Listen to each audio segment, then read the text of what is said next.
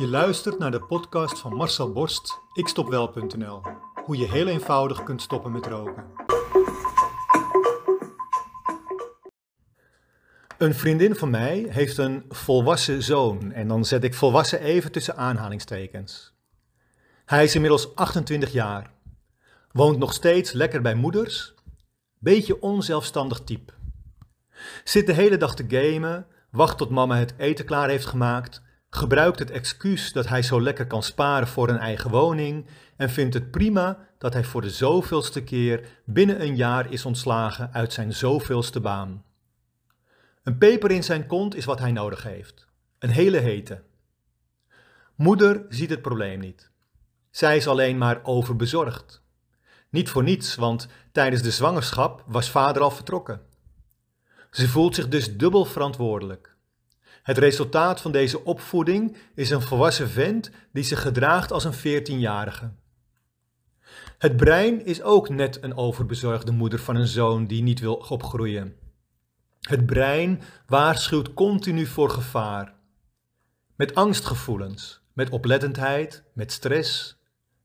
Signalen dat je uit moet kijken en wellicht actie ondernemen.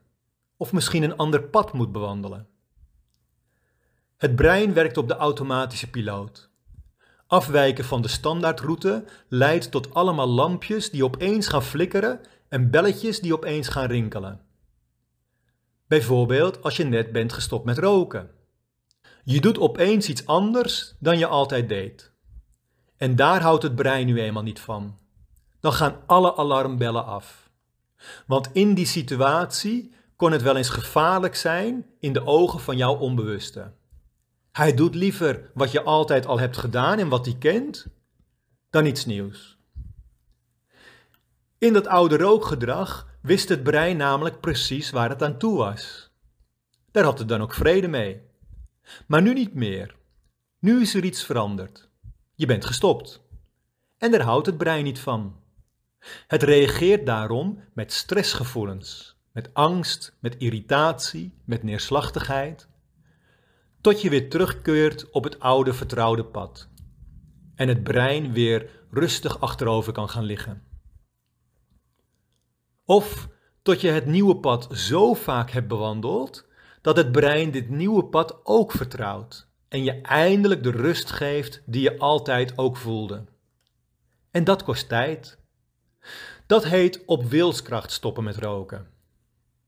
Gisteren sprak ik een roker aan de telefoon. Die rookte tussen haakjes omdat hij een moeilijke jeugd had gehad. Echt waar? Is dat de reden? Laat me niet lachen. Natuurlijk niet. Je had gewoon de verkeerde vriendjes en je hebt ooit een keer een verkeerde keuze gemaakt. De tabaksindustrie en de tabak deed de rest. Iedereen gaat anders om met tegenslag.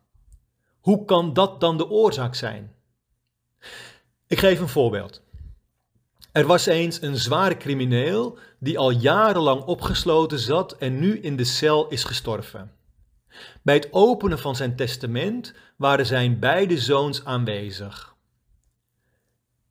Eentje was inbreker geworden en ging zelf ook steeds vaker de onderwereld in.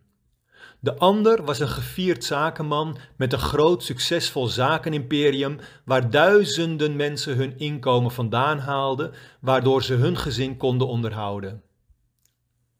Toen de notaris vroeg hoe het kon dat de inbreker het slechte pad was opgegaan, zei deze zoon: Ja, wat wil je met mijn vader als voorbeeld?